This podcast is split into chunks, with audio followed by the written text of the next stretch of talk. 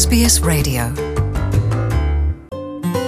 SBS မြန်မာပိုင်းကို အင်ကာနဲ့စနေနေ့ည10:00နာရီမှနားဆင်နိုင်တယ်လို့အွန်လိုင်းကနေလည်းအချိန်မီနားဆင်နိုင်ပါပြီ။သောရရှိမြခင်စုံစမ်းမှုတစ်ခုအရတွေ့ရှိရတာက Margaret မိသားစု 15စုလောက်ကနှစ်စဉ်ဩစတြေးလျနိုင်ငံကနေဖယ်ရှားခံရတာကိုရင်ဆိုင်နေရပြီးဒါကဘာကြောင့်လဲဆိုတော့သူတို့မိသားစုဝင်တယောက်ယောက်မှမသက်မစွမ်းဖြစ်နေတာကြောင့်ဖြစ်ပြီးဒါက immigration ရဲ့လိုအပ်ချက်နဲ့မကိုက်ညီလို့ဖြစ်တယ်လို့ဆိုပါတယ်မတန်ဆွမ်းသူများအတွက်ရှေ့ဆောင်လုပ်ပေးနေတဲ့အဖွဲ့တွေကဒါကအစိုးရကလူအခွင့်အရေးကို ဖောက်ဖျက်နေတာလို့ဆွဆွဲပြီးဒီကိစ္စကိုကမ္ဘာကုလသမဂ္ဂသို့ယူဆောင်သွားဖို့လှုံ့ဆော်နေကြပါတယ်။ကင်ညာမှာမွေးဖွားတဲ့ Mr. Sia Abdi ဟာ Australia မှာနေထိုင်နေတာ10နှစ်ကျော်ရှိနေပြီးသူ့ကို Immigration ဌာနက28ရက်အတွင်းနိုင်ငံမှထွက်ခွာပေးဖို့ပြောဆိုခံခဲ့ရပါတယ်။ မွေးဖွားစဉ်တည်းကမျက်မြင်မြင်ဖြစ်ခဲ့ပြီး Immigration ဌာနရဲ့ကျန်းမာရေးသတ်မှတ်ချက်မှာဒေါက်တာအာဒီကချရှုံးခဲ့တယ်လို့ဆိုပါတယ်။ဒါကအမြဲတမ်းနေထိုင်မှုဗီဇာလျှောက်ထားသူက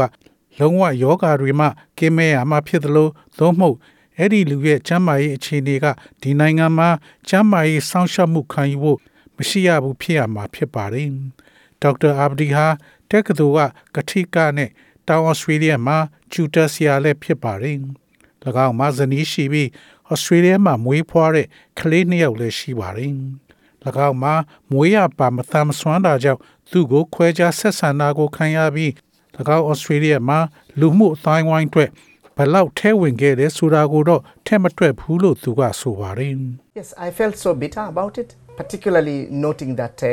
the focus is on my disability and not my ability because I know I can do great things. I've been helping people, I've been doing a lot of work with the Australian community, uh, including migrants, including uh, the mainstream so, uh, Australian society. I've been feeling about part of the Australian ဟုတ်ပါတယ်ဒါနဲ့ပတ်သက်လို့ကျွန်တော်နာကျင်မိပါတယ်ပြီးတော့အထူးသဖြင့်သူတို့ကအဓိကအာယုံပြုတာကကျွန်တော်ရဲ့မတန်ဆွမ်းတာကိုပါကျွန်တော်လုံနိုင်တဲ့ တတ်နိုင်စွမ်းကိုမဟုတ်ပါဘူးဘာကြောင့်လဲဆိုတော့ကျွန်တော်ဒီထက်ကြီးမားတာတွေကိုလှုပ်ဆောင်နိုင်တယ်ဆိုတာကျွန်တော်သိပါတယ်ကျွန်တော်လူတွေကိုကူညီပေးပါတယ်ဩစတြေးလျလူမှုအတိုင်းဝိုင်းအတွက်ကျွန်တော်အလုပ်တွေအများကြီးလုပ်ပေးပါတယ် migrant တွေပါဝင်ဒီမှာအခြေချနေထိုင်နေတဲ့ Australian လူမှုအတိုင်းဝိုင်းအပါဝင်ဖြစ်ပါတယ်ကျွန်တော်ဟာ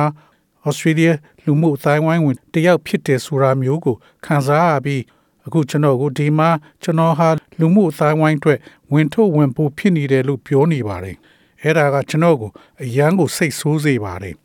2016ခုနှစ်အဲ့ဒီအချိန်က immigration ဝန်ကြီး Peter Dutton ကိုဝင်ရောက်ဆွတ်ဖက်ပေးဖို့စီယုံခဲ့ပါသေးတယ်။ဒေါ်လာထောင်ပေါင်းများစွာကိုအယူခံဝင်တဲ့နေရာမှာအသုံးပြုခဲ့ပြီးနောက်ဆုံးမှာတော့သူ့ကိုအမြဲနေထိုင်ခွင့်ပေးခဲ့ပါတယ်။ဒါပေမဲ့ဒီလှုပ်ဆောင်ရမှုအဆင့်ဆင့်တွေကြောင့် သူ့ကိုစိတ်ပိုင်းဆိုင်ရာအရာထိခိုက်စေခဲ့တယ်လို့ဆိုပါတယ်။ဒေါက်တာအာဘဒီရဲ့အမှုကိစ္စဟာတခုတည်းသောသီးသန့်ကိစ္စမဟုတ်ပါဘူး။ဒါမျိုးတွေအတွက်ရှေ့ဆောင်လုပ်ပေးနေတဲ့အဖွဲ့ရဲ့တွေ့ရှိချက်အရဩစတြေးလျမှာနှစ်စဉ်မိသားစုဒါဇင်ထက်မနည်းဖယ်ရှားခံရဖို့နဲ့ကြုံတွေ့နေရပြီး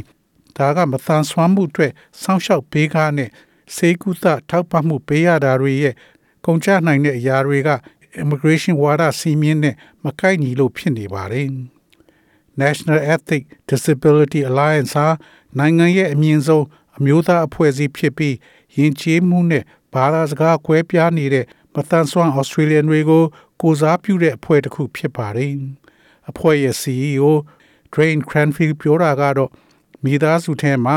မတန်ဆွမ်းသူရှိလို့ဒါမျိုးဗီဇာလျှောက်လွှာငင်းပယ်ခံရတဲ့အမှုပေါင်းက နှစ်စဉ်73ခုကနေ15ခုအထိရှိတယ်လို့ဆိုပြီးအဲဒီမှာသူတို့မကြားသိရတဲ့အမှုကိစ္စတွေရှိနိုင်တဲ့အတွက်ဒီထက်ပိုများနိုင်တယ်လို့ဆိုပါတယ်။သူအဖွဲ့မှကူညီပေးနေသူတချို့ကအစိုးရကိုစန့်ကျင်ပြောရမှာကိုကြောက်ရွံ့ပြီးဘာကြောင့်လဲဆိုတော့သူတို့ထွက်ပြေးလာတဲ့နိုင်ငံမှာဒါမျိုးပြောခဲ့ရင်ဖမ်းခံရလို့ဖြစ်တယ်လို့ဆိုပါတယ် If you come here seeking a better life and, and you're working here and all of a sudden you have the the the situation where you, you have a child with a disability or an illness or something occurs to your partner or something and then you and then the, the government medical officer တ says, ကယ်လို့သင်ဒီနိုင်ငံကိုလာပြီးပုံမကောင်းမွန်တဲ့ဘဝကိုချီးကပ်ပြီးသင်ဒီမှာအလုပ်လုပ်နေပြီးရုတ်တရက်သင်ကလေးကမတန်ဆွမ်းဖြစ်တာသို့မဟုတ်နေထိုင်မကောင်းတာသို့မဟုတ်သင်ချင်းပေါ်တစ်ခုခုဖြစ်တာစတဲ့အခြေအနေမျိုးကိုကြုံတွေ့နေရပြီးအစိုးရရဲ့ဆေးစစ်တဲ့ဝန်ထမ်းကဝမ်းနေပါတယ်သင်ပြန်ဖို့အချိန်ရောက်နေပါပြီ သင်ဒါကိုဘယ်လို့ပြန်ခြေပတိုက်ခိုက်မလဲသင်မလုတ်ပိုင်ခွင့်အာဏာမရှိပါဘူးတင်မှာဘာသာစကားအခက်အခဲရှိခဲ့ပြီးဒီလိုပြန်ချေပလှုပ်ဆောင်တာမျိုးသင်ရင်ကျေးမှုမှာမရှိသလိုအစိုးရကို ပြန်မေးခွန်းထုတ်တာမျိုးတွေလည်းမရှိခဲ့လို့ပါသင်ရဲ့လျှောက်လွှာညင်းပယ်ခံရပြီးရင်သင်အတွက်ဒီနိုင်ငံမှာဆက်နေဖို့အခွင့်အလမ်းတစ်ခုသာကြံပြီးအဲ့ဒါကဝင်ကြီးကဝင်ရောက်ဆွတ်ဖက်ပေးတာ ဒါကလည်းအယူခံမြောင်များစွာဝင်ပြီးမှ ဖြစ်နိုင်တာဖြစ်ပါတယ် migrant တွေအားလုံးလိုကဒီလိုအယူခံဝင်ဖို့ငွေချေးထောက်ပံ့တာကိုရနိုင်ခွင့်မရှိသလိုပဲကျွမ်းကျင်သူများပြောတာကတော့အဆက်အသွဲကောင်းတဲ့ migrant တွေကတော့မတရားတဲ့တပန်းသားမှုကို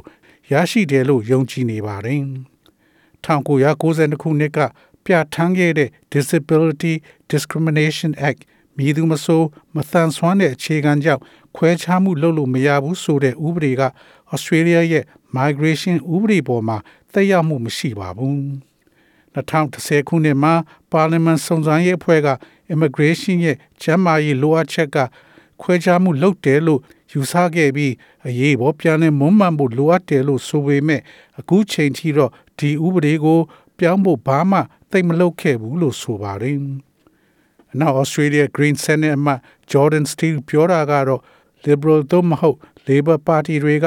Australia ရဲ့ immigration သို့မဟုတ် migration ဘောင်ကိုသေချာကင်တွယ်ဖို့လိုလိုလျားလျားမရှိဘူးလို့ဆိုပါတယ်။သူပြောတာကရေးတကြီးပြင်ဆင်ဖြည့်စွက်ချက်တွေလုပ်ဖို့လိုအပ်ပြီးဒါမှသာ immigration ရဲ့မတန်ဆွမ်းမှုကြောင့် ခွဲခြားမှုမရှိတော့မှာဖြစ်တယ်လို့ဆိုပါတယ်။ There is no place for the idea of financial burden in relation to disability uh, in our migration laws. There is no place for the idea of, uh, of disease uh, in our migration laws. They are uh, discriminatory in the extreme. Uh, I think we need to have a situation where uh, disability plays no part. ကျွန်တော်တို့ immigration ဥပဒေမှာ မတန်ဆွမ်းတာနဲ့ပတ်သက်ရင်ငွေရေးကြေးရေးအရဝန်ပိစေတဲ့ဆိုတဲ့တွေးခေါ်တွေဒီနိုင်ငံမှာနေရာမရှိပါဘူးကျွန်တော်တို့ migration ဥပဒေတွေမှာယောဂရှိလို့ဆိုတဲ့တွေးခေါ်တွေဒီမှာနေရာမရှိပါဘူးဒါတွေကခွဲခြားမှုရဲ့အစွန်းရောက်နေမှုတွေပါဩစတြေးလျကိုသင်အိမ်ခေါ်ဖို့ရဖို့အတွက်မေကွန်းထုတ်တဲ့နေရာမှာမတန်ဆွမ်းတာက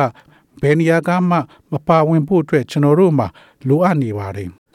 amendment NEDA ဟာဒါအတွက်လှုံ့ဆော်မှုလုပ်နေတဲ့အဖွဲ့ဖြစ်ပြီးဒီအမှုကိုကမ္ဘာကုလသမဂ္ဂကိုဒီနှစ်နောက်ပိုင်းမှာတင်ပြဖို့ရှိပါတယ်အဖွဲ့ရဲ့ CEO Drain Cranfield ပြောတာကတော့ဒီစနစ်ကနောက်ပြန်သွားနေတာဖြစ်ပြီး လူအဖွဲ့အစည်းတစ်ခုအနေနဲ့မတန်ဆွမ်းသူများရဲ့ဖြည့်ဆည်းပေးမှုကိုစတင်တံပိုးထားသင့်တယ်လို့ဆိုပါတယ် So essentially, it boils down to an algorithm which uh, looks at the cost and the benefit of people coming to Australia. And so, if they're deemed to be too costly uh, to the Australian community, they're denied um, residency. We don't look at the, the, s- the skills and the strengths and the beauty that people bring to our community. We look at people with the disabilities. နောက်ဆုံးမှာတော့ Australia ကိုလာတဲ့လူတွေရဲ့ကုန်ကျမှုနဲ့အကျိုးဖြစ်နိုင်မှုတို့ကိုကြည့်တဲ့ algorithm ကိုရောက်ရှိသွားတာပါဒါကြောင့်သူတို့တွေက Australian လူထုအတွက်တိတ်ကုန်ကျမှုများမယ်လို့ယူဆရင်ဒီမှာနေထိုင်ခွင့်ညှင်းပယ်ခံရမှာပါအဲ့ဒီလူရဲ့ကျွမ်းကျင်မှုနဲ့စွမ်းအားနဲ့လှပတဲ့အရာတွေကို မတန်ဆွမ်းသူများယူဆောင်လာနိုင်တာကို ကျွန်တော်တို့မကြည့်ပါဘူးသူတို့ကဝင်ထုတ်ဝန်ပိုးလို့သာကြည့်ကြပါတယ်တော်ရရှိမြခင်ဗျာဒီနေ့ဒီခေတ်ကြီးမှာအထူးသဖြင့်ဩစတြေးလျလိုနိုင်ငံမျိုးမှာလူတွေရဲ့မတန်ဆွမ်းမှုကိုကြည့်ခွဲခြားတယ်ဆိုတာအလွန်ရှက်ဖို့ကောင်းပါတယ်လို့ပြောဆိုရင် SBS သတင်းဌာနက Mani True နဲ့ Bethlehem Somonis တို့ရဲ့ဆောင်းပါးကိုဘာသာပြန်တင်ဆက်ပေးလိုက်ရပါရခင်ဗျာ SBS မြန်မာပိုင်းကိုနားဆင်ရတာနှစ်သက်ပါတလား Facebook မှာဆွေးနွေးမှုတွေကိုဆက်ကြရအောင်ပါ SBS မြန်မာပိုင်း Facebook ကို Like လုပ်ပြီးတော့သင်ချင်တဲ့ချက်ကိုမျှဝေနိုင်ပါတယ်။ SBS Bemis ကို Facebook မှာ Share ကြည့်နိုင်ပါတယ်ရှင်။